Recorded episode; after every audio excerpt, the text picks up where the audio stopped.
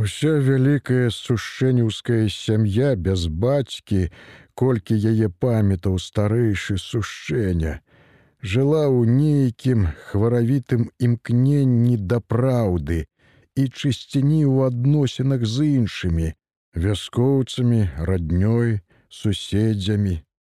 За гады сваёй маладосці сушэння не мог уявіць, як гэта можна, напрыклад, пазычыць і не аддаць або нават не пазычыць каму, хто прасіў, калі гэта можна было зрабіць. Самі жылі трудна, бадай што бедна, кожны пут збожжа, кавалак сала, якая капейчына, былі надта патрэбны самім. Але калі прыходзіла да іх бедная бабылка Хрысціна, з прыжытым без мужа дзіцём, сушэнне аддавалі апошнія, які кавалак хлеба ці трант ці рубель на лекі. Яно заўжды было шкада, заўжды не хапала самім, але маці ды баба хвядора ў такіх выпадках казалі, што нельга гнявіць Бога, не памагаючы і без таго пакрыўджанай людзьмі і Богам. Баба Хвядора вельмі сачыла і за імі малымі і пасля як падраслі, каб не было якой несправядлівасці ў дачыненні да іншых, малодшых ці там вясковых сяброў суседзяў. І часам, калі што здаралася, сварылася на сваіх болей, чым на чужых, хоць часта свае і былі найменш вінаватыя, або зусім не вінаватыя як у тым прыкрым і памятным выпадку з піліпавымі снапкамі. Здарылася так, што дядзька Піліп, які жыў у другім канцы вёскі за станцыяй, вазіў каля іхняга гарода сжаты ячменя дракі і згубіў чатыры снапкі. Снапкі гэтыя бачылі ўсе сушэнні і маці і дзеці і бабка хвядора, тыя ляжалі сабе на сцежцы увесь адвячорак. Дядзька Піліп мусіць яшчэ не згледзеў прапажу, а як згледзеў і назаўтра вярнуўся па іх на сцежку снапкоў ужо не было. Снапкі прапалі.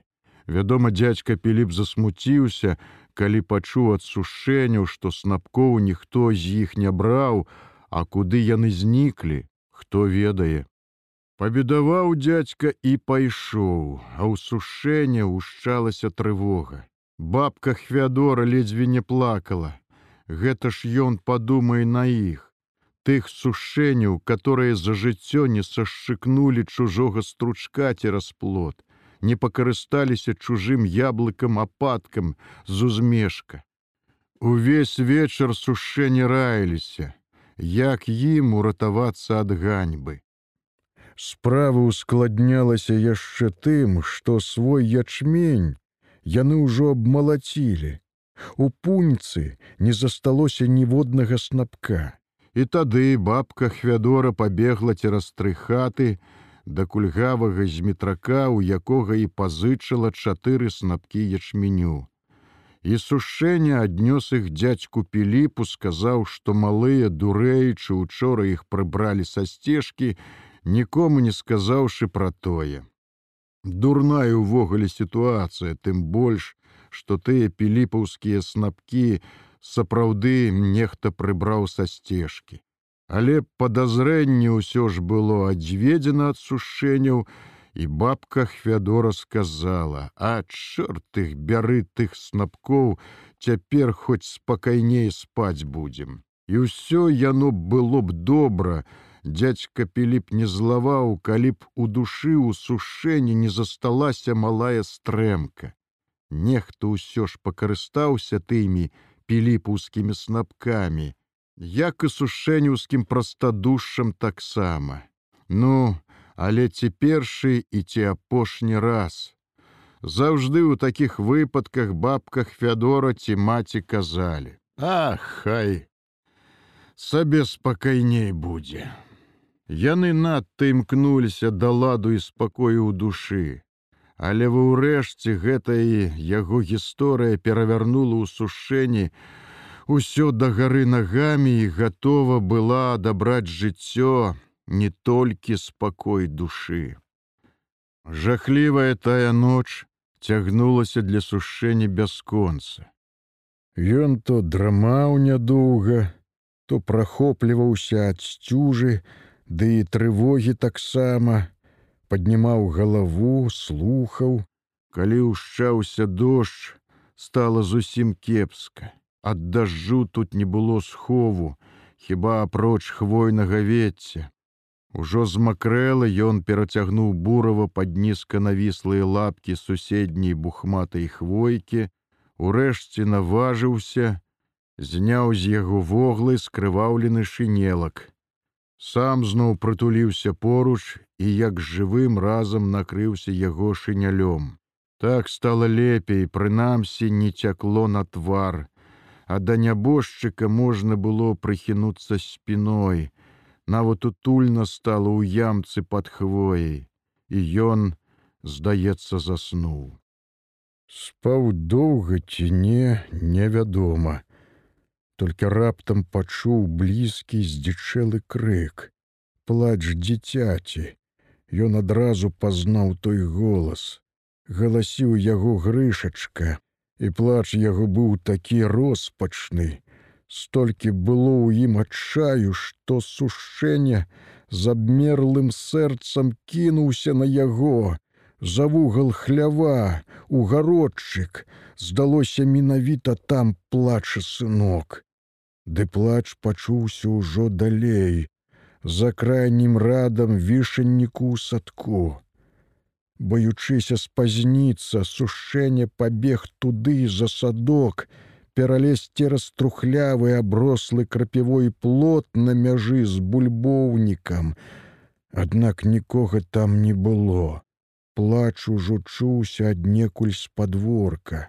Грышачка захінаўся з астатнія сілы, Мусіць, з ім сталася дужа кепская, і сушэнне жахнуўся, што не паспее, спозніцца.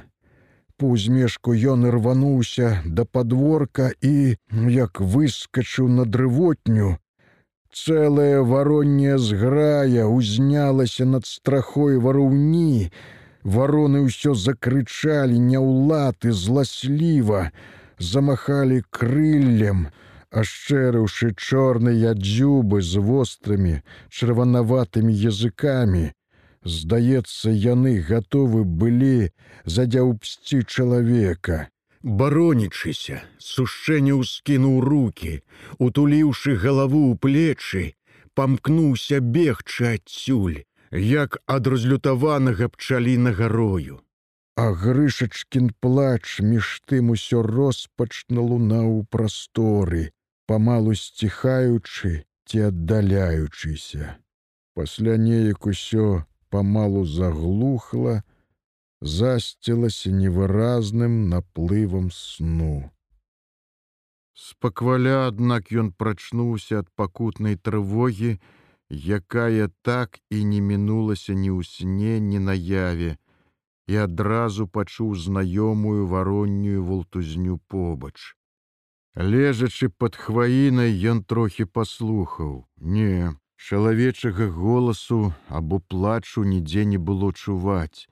Толькі блізка, над самай прагалінай абурана каркалі вароны, чуваць было мітусіліся, варушыліся, пераляталі з хвою на хвою, нібы чагось абурана патрабуючы ад чалавека, і сушэння са злоснай рашучасцю вылез пад хвоі. На прагаліне ўсё было воглым і стылым ад начнога дажджу і туману, які цяжкім нізкім покрывам спрэс сунуўся ў хвойніку, затуляў неба і дальняе вяршалле дрэў. Было, аднак ціха. Калючае голле нізка звісала долу, абцяжараная безліччу дробных празрыстых кропель, і ён добра намок, пакуль выбраўся з-пад хвойкі. Праклятае вараннё не адступалася. На гэты раз ён не стаў махаць на іх рукамі.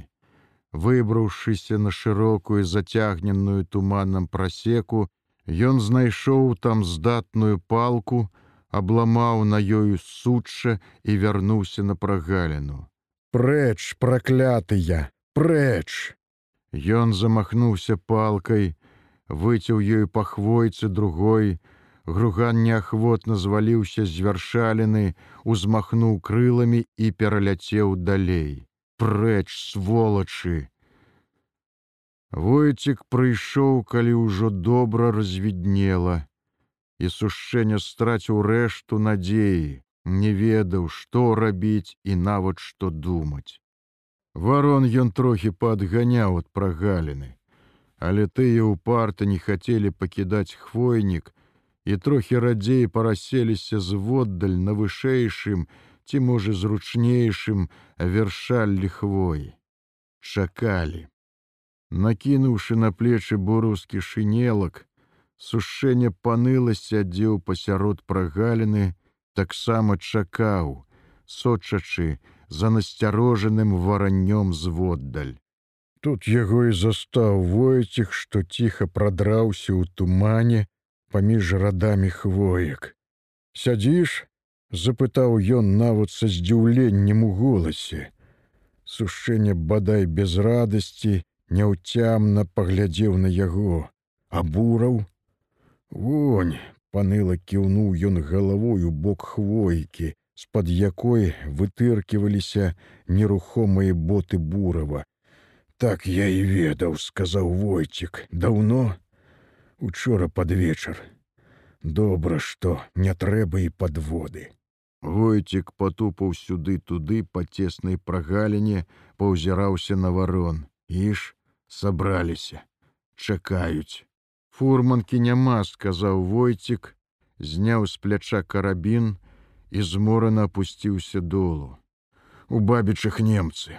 Вояк, дык як жа цяпер затрывожыўся сушэння. Вялікія руки яго прыкметна здрыгануліся на каленях. А што цяпер? Прыхаваем і потопаем, можа прорвёмся, куды? Ну хто куды? Я ў атрата, ты ж, мабыць, да немцаў хочаш, сказаў войцік і сцюдзёнымі вачыма на абвялым парослым шчэццю твары выпрабавальна ўставіўся ў сушэню. Я не да немцаў, з зацятай крыўдай сказаў сушэння: Вядзі і мяне ў атрад, інакшай дарогі мне няма. У атрад, ага, цябе там чакаюць, няпэўна прабурчэў войцік.